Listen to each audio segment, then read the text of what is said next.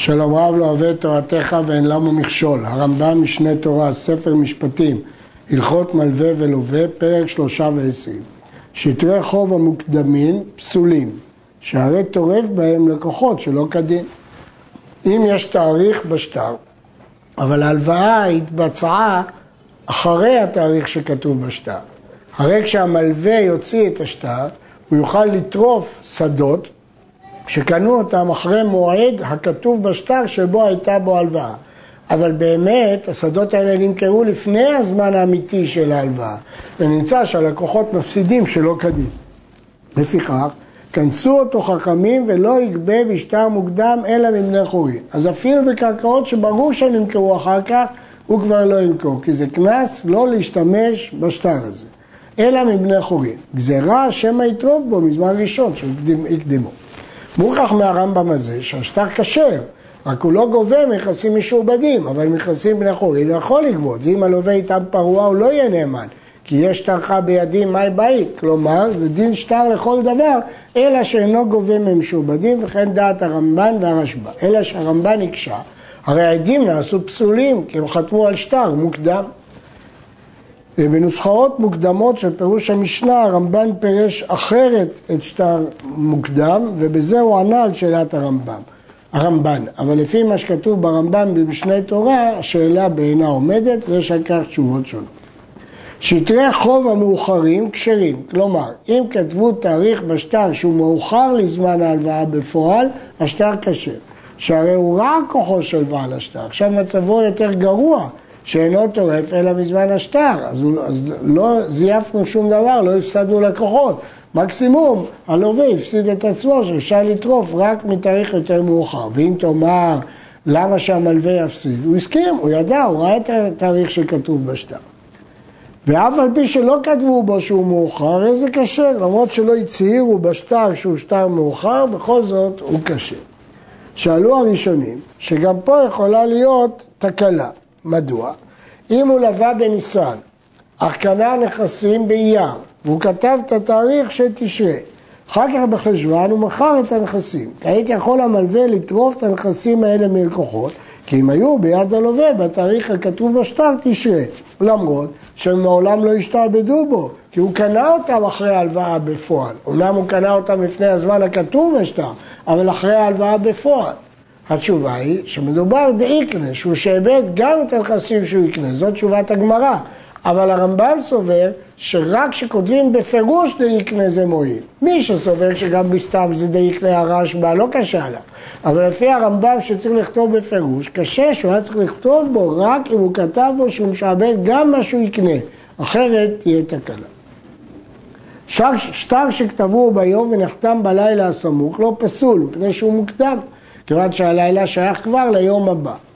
ואם היו עסוקים בעניין עד שנכנס הלילה וחתמו, אם עדיין עסקו בעניין, אף על פי שקנו ממנו בלילה, כשר. אם עשו את הקניין ביום, פשיטא שכשר. אבל אפילו אם עשו קניין בלילה, כיוון שעסוקים באותו עניין, כשר. שטר, לכאורה ברמב"ם, משמע בכל שטר, בין שטר הלוואה, בין כתובה, בין עצם חיוב. הר"ן חילק שהדין הזה נכון רק בשטרי הלוואה, כיוון שעסוקים באותו עניין יוצא קול, אבל בשטרי התחייבות העיסוק באותו עניין לדעתו לא יוצא קול, אבל הרמב"ם לא חילק. שטר שזמנו כתוב בשבת או בעשרה בתשרי, הברור שההלוואה לא בוצעה בשבת או ביום כיפור, אז או שזה שטר מוקדם וההלוואה התבצעה אחר כך, או שזה שטר מאוחר וההלוואה התבצעה לפני כן. שטר מאוחר הוא וכשר. אנחנו קובעים שזה שטר מאוחר, כלומר שההלוואה התבצעה לפני התאריך הנקוב בשטר ולכן זה שטר מאוחר וכשר. ואין חוששים לו שם המוקדם הוא, אולי ההלוואה התבצעה למחרת באחד בשבת או באחד עשר בתשעי נכתב, יש שתי אפשרויות קיימות, ברור שההלוואה לא הייתה בשבת או ביום כיפור, אבל או שהייתה לפני כתיבת השטר ואז השטר מוקדם הוא פסול, או שזה הייתה אחרי התאריך הנקוב בשטר ואז אה, אם ההלוואה בוצעה לפני אז זה שטר מאוחר, ואם ההלוואה בוצעה אחרי זה שטר מוקדם, איך אנחנו יודעים? מעמידים השטר על חזקתו, שהדבר ידוע הוא שאין כותבים בשבת ולפיכך יחרו. כדי לא לפסול את השטר, אנחנו מעמידים אותו בחזקת כשר שהוא שטר מאוחר.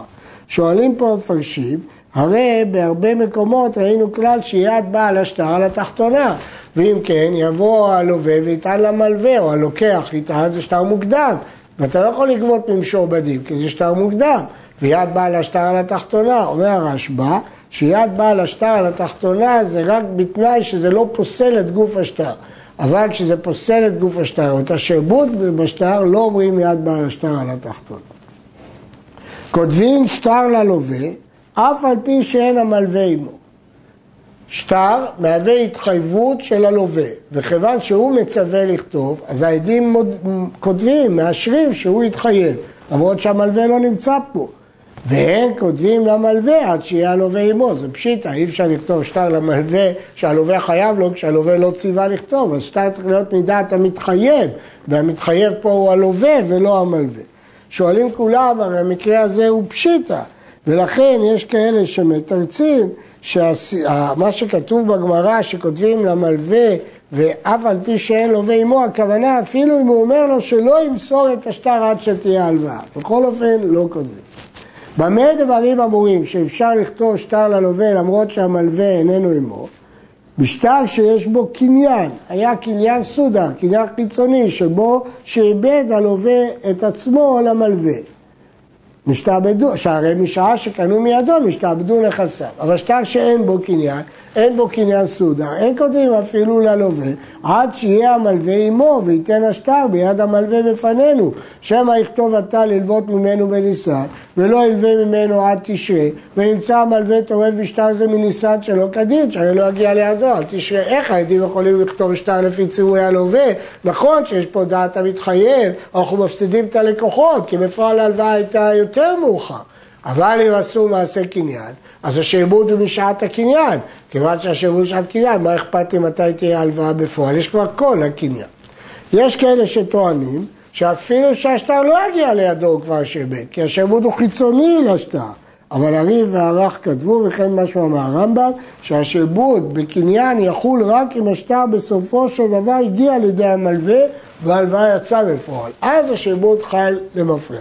אבל יש חולקים ואומרים, דעת הרשב"א, שכיוון שהקניין פה חיצוני, אז גם אם לא תהיה הלוואה הוא שעבד את הנכסים. השח אומר שזו בכלל שאלה אם אפשר לשעבד נכסים בלי הלוואה. כי שעבוד זה צורה מיוחדת שהיא נלווית רק להלוואה. עדים שקנו מיד הלווה או המוכר וכיוצא בהם ונתאחרה כתיבת השטר זמן מרובה. שאלה איזה תאריך לכתוב. אם ידעו יום שקנו ממנו בו, כותבים בשטר זמן הקניין. ואף על פי שאינו זמן חתימתם, לא אכפת לי מתי החתימה, אכפת לי מתי הקניין. והם צריכים לומר ונתאחרה כתיבת ידינו עד יום פלוני. ואם לא ידעו יום שקנו בו, כותבים זמנו של שטר משעת הכתיבה. אם הם יודעים את היום שקנו, כותבים משטר בשעת הכתיבה, והשטר כשר, לא אכפת לי שהילדים חתמו יותר מאוחר. אבל אם הם לא יודעים, אז הם כותבים זמן של שטר. וכן מי שנמסרה להם העדות במדינה וכתבו השטר במדינה אחרת, אין מזכירים בשטר מקום שנמסרה בו העדות, אלא מקום שכתבו בו חתימת ידם.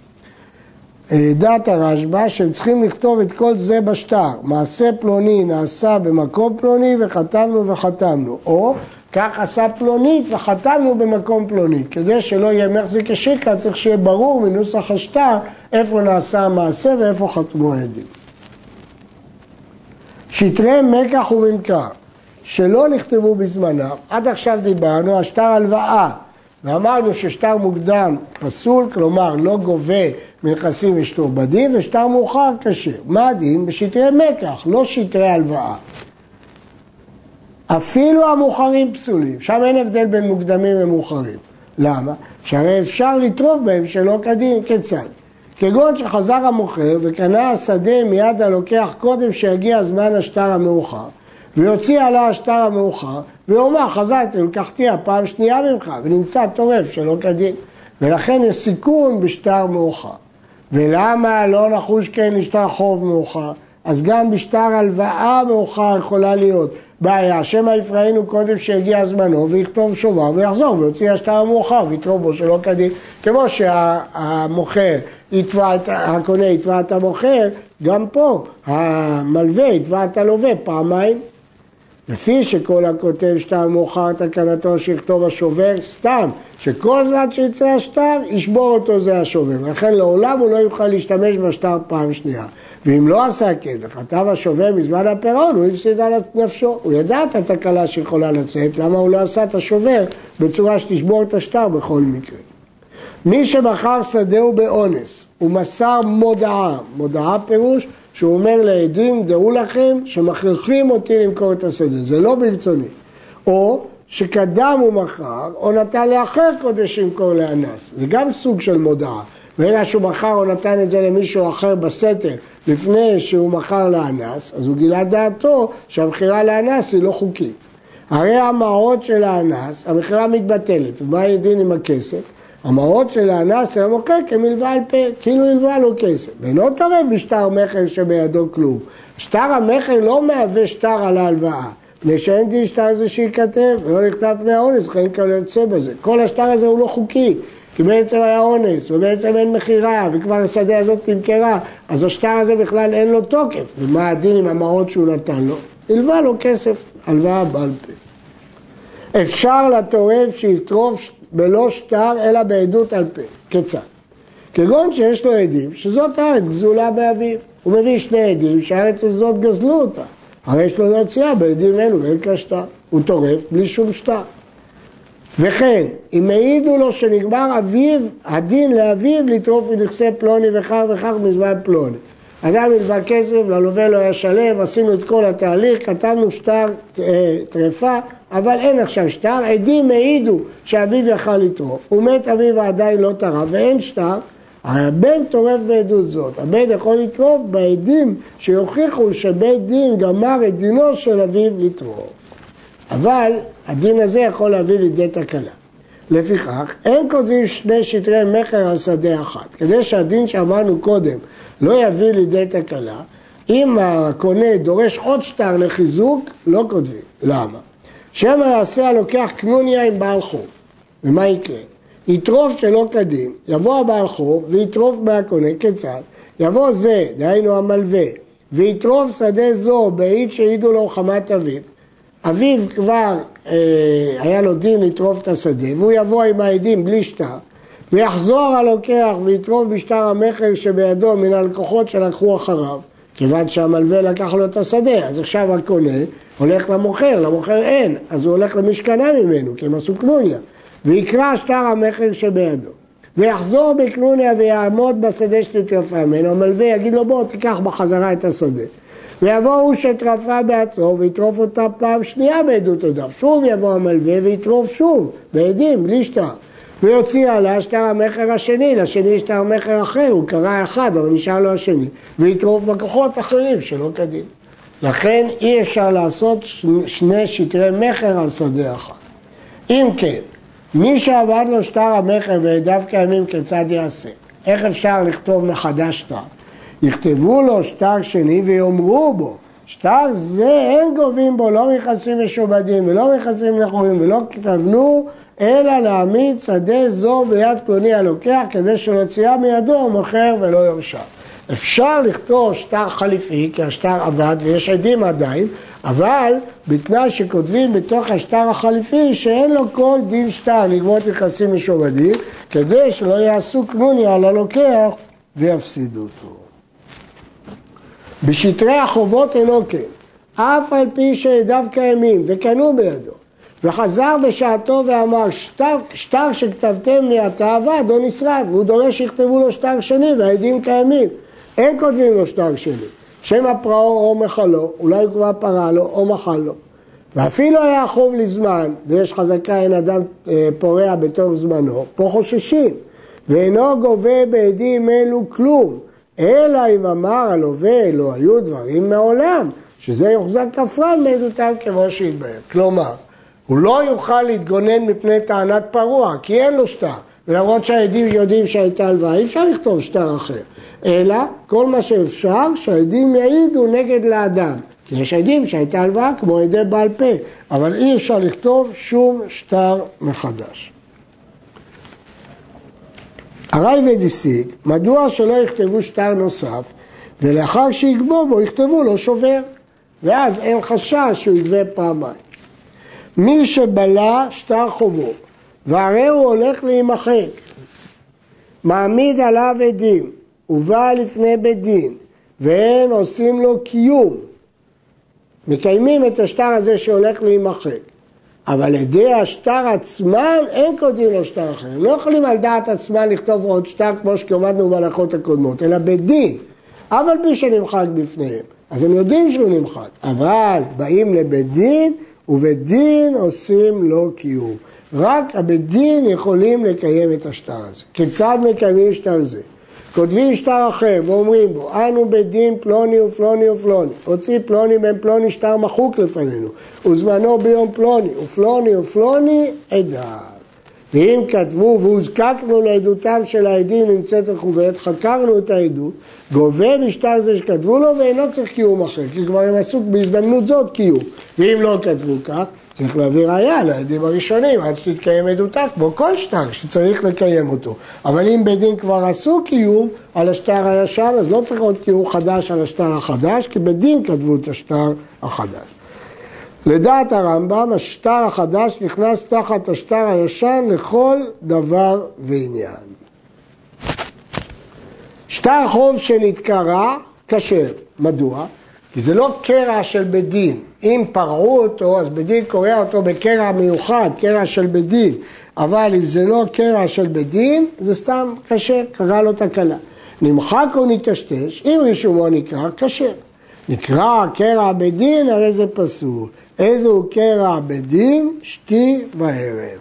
רק כשזה נקרא שתי וערב, אז יש לזה תוקף של קרע בדין. יש דעה אחרת בגמרא, שהכוונה היא מקום העדים, מקום הזמן מקום התורף. הרמב"ם פסק הדעה הראשונה, שתי וערב.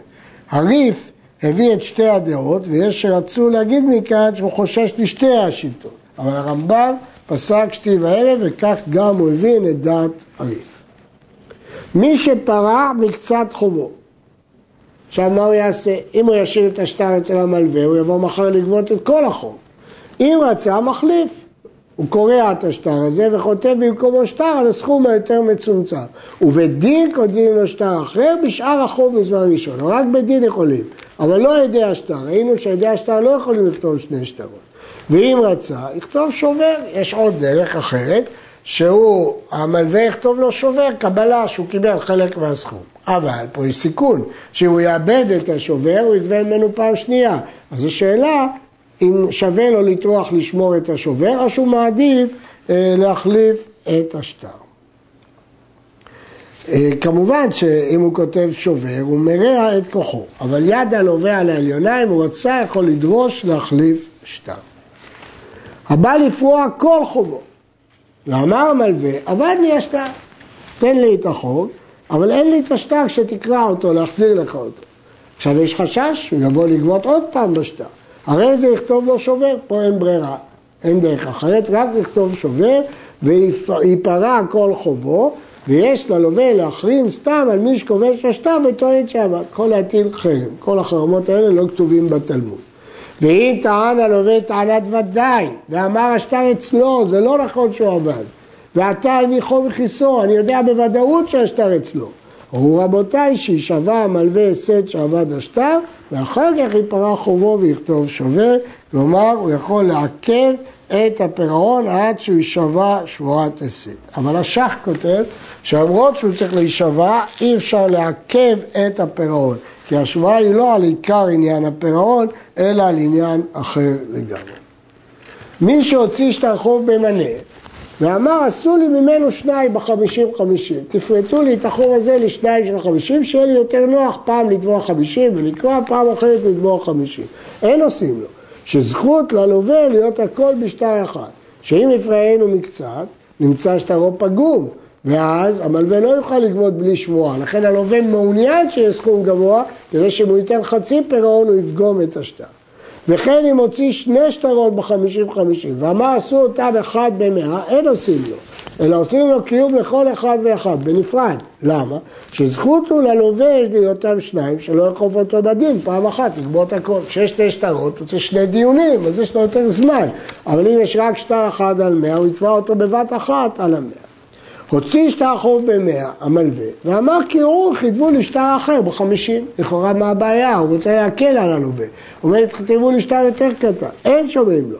שמא פרעו הכל, הוא לא ישילם לו את כל המאה. וכתב לו שובר על שטר של מאה, נתן לו קבלה שהוא קיבל מאה. כשיחזור ויוציא קיום זה של שטר חמישים, ויוציא הלווה השובר, יאמר לו זה שטר אחר הוא, השובר שלך זה על מאה, פה אני תובע חמישים. לכן לא עושים את זה למרות שלכאורה הוא מתנדב למעט את גובה השטר, זאת קנוניה ולא עושים אותה. עד כאן.